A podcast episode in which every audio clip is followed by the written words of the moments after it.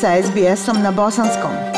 Pronađite još sjajnih priča na sbs.com.au kosacrta bosnijan. Pandemija koronavirusa imala je veliki uticaj i na život djece. Ova priča je o njima i za njih. Odgovaraju na neka pitanja koja mogu imati o COVID-19, objašnjavajući zbog čega se radi vakcinacija i kada bi se stvari mogle vratiti u normalu.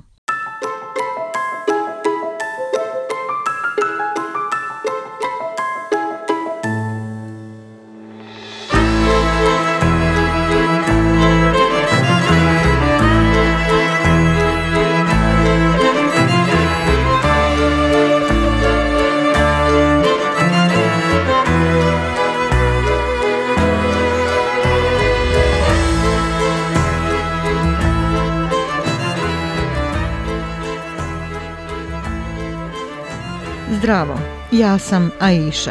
Možda trenutno vidite i čujete mnogo o COVID-19 na televiziji i društvenim mrežama, kao i od svojih prijatelja i porodice. Da bismo vam pomogli da shvatite šta se dešava, zaronimo u neka od vaših pitanja o virusu. How long is coronavirus be around for? When can I go back to school? Koliko dugo će koronavirus postojati? Kada se mogu vratiti u školu? I want to know like a bit more about the vaccination and stuff. Um, I really want to know um, when playgrounds will start reopening. Želim znati nešto više o vakcinaciji i zaista želim znati kada će se dječja igrališta početi ponovo otvarati. Dakle, COVID-19 ili skraćeno COVID postoji oko 18 mjeseci. Pomalo, poput tebe, vremenom je poraslo i promijenilo se. Dok ste rasli, pojavile su se malo drugačije verzije virusa. Ove mutacije ili varijante virusa nazvane su prema slovima u grčkoj abecedi. Najčešća varijanta u Australiji u ovom trenutku je delta. Lako se širi kada ljudi kašlju ili kišu. Na zdravlje. COVID-19 uzrokuje bolest poput prehlade ili gripe. Laila Ibrahim je doktorica u Kraljevskoj dječjoj bolnici u Melbourneu. Istraživala je COVID kod djece i otkrila da se mnogi dobro oporavljaju kod kuće. Most kids didn't have to go to hospital at all. So what's really important um, for you if you know somebody Većina djece uopšte nije morala doći u bolnicu. Dakle, ono što je zaista važno za vas, ako poznajete nekoga ili prijatelja ili nekoga iz vašeg razreda koji je imao COVID, jeste da budete ljubazni prema njima, zato što se neko vrijeme nisu osjećali dobro. Ono što možete učiniti je pitati ih kako se sada osjećaju. Neki odrasli za koje znate možda su bili cijepljeni protiv COVID-19. Vakcine sprečavaju ljude da se zaista razbole. My name is Ali. I'm 8 years old. Vaccinations are important because it teaches your some of your blood cells to like fight back at COVID. My mom has had a vaccination and my dad has had one. Ja se zovem Ali. Imam 8 godina. Vakcinacije su važne jer uče neke od vaših krvnih zrnaca da vole da se bore protiv kovida. Mama se vakcinisala i moj tata isto tako. Hello, I am Ella and I am 9 years old. What I know about the vaccines is that there's two, AstraZeneca and Pfizer and yes, I would want one. Zdravo, ja sam Ela i imam 9 godina. Ono što znam o vakcinama je da postoje dvije, AstraZeneca i Pfizer. I da, i ja bih željela jednu. Iako se mnoga djeca vakcinišu protiv drugih bolesti, trenutno u Australiji djeca mlađa od 12 godina ne dobijaju vakcinu protiv Covida.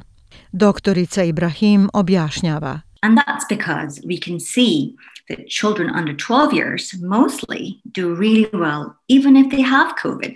To je zato što možemo vidjeti da djeca mlađa od 12 godina uglavnom dobro podnose, čak i ako imaju COVID. Dakle, prvo ćemo zaštititi ljude koji se mogu zaista razboljeti od covid a to su odrasli. Zato je najbolje što sada možete učiniti, zatražiti od odraslih koji se brinu o vama da dobiju vakcinu protiv covid kako se ne bi razboljeli, čak i ako ipak i dobiju COVID-19.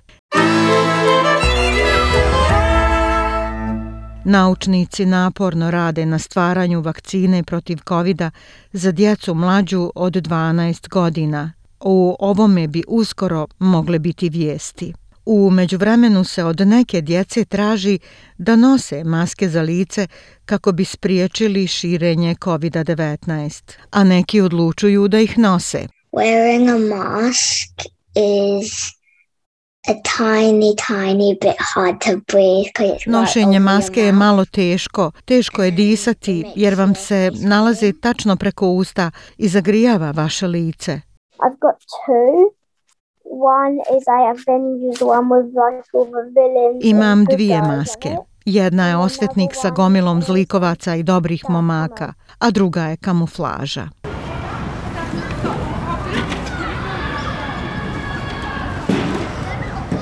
Igrališta su mjesta za gomilu zabave, ali u jednom dijelu Australije, u Viktoriji, zatvorena su jer se ljekari brinu da bi se virus mogao prenijeti na djecu i odrasle koji tamo odlaze. Doktorica Ibrahim objašnjava. So, unfortunately, we have to take a break from playgrounds for now until we know that it is safe. Da, tako je, nažalost. Za sada moramo napraviti pauzu od igrališta dok ne saznamo da je sigurno. Zato pitajte svoju odraslu osobu koja se brine o vama. Možete li vani raditi i druge stvari, osim odlaska na igralište? Hello, Sam. Hello. How you been doing with remote learning? Okay, I've really struggled with fractions. Yeah, me I had to have my help Zdravo, Seb. Zdravo. Kako je prošlo učenje na daljinu? U redu, ali sam se borio sa razlomcima. Da, i ja isto. Zato sam morala pitati mamu da mi pomogne. Ovo je nezgodno vrijeme i za djecu i za odrasle. Učenje na daljinu može biti izazov.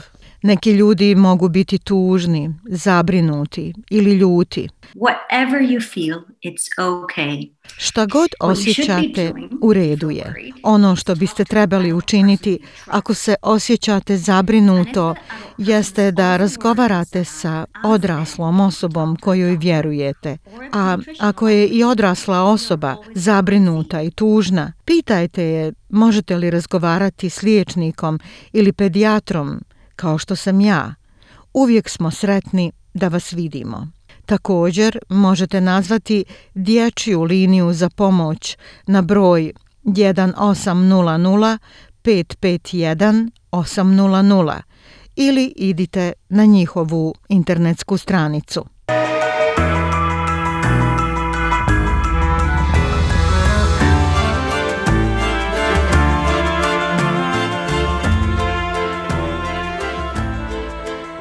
Ne znamo koliko dugo će ovakve stvari trajati, ali na kraju će se život ponovo početi osjećati normalno. Moći ćete se vratiti na mjesta koja volite, aktivnostima u kojima uživate i vidjeti ljude koji vas nasmijavaju. I am looking forward to playing footy again, going out of our 5 kilometer range and going to see really anyone we love, including Granny. Radujem se što ću se opet igrati i izaći izvan našeg dometa od 5 kilometara i vidjeti bilo koga koga volimo, uključujući i baku. Just think positive and say to yourself we will get through this. Samo mislite pozitivno i recite sebi da ćemo to prebroditi. Ja sam Aisha Hadži Ahmetović. Ostanite uz SBS radio. Like, share, comment. Pratite SBS Bosnian na Facebooku.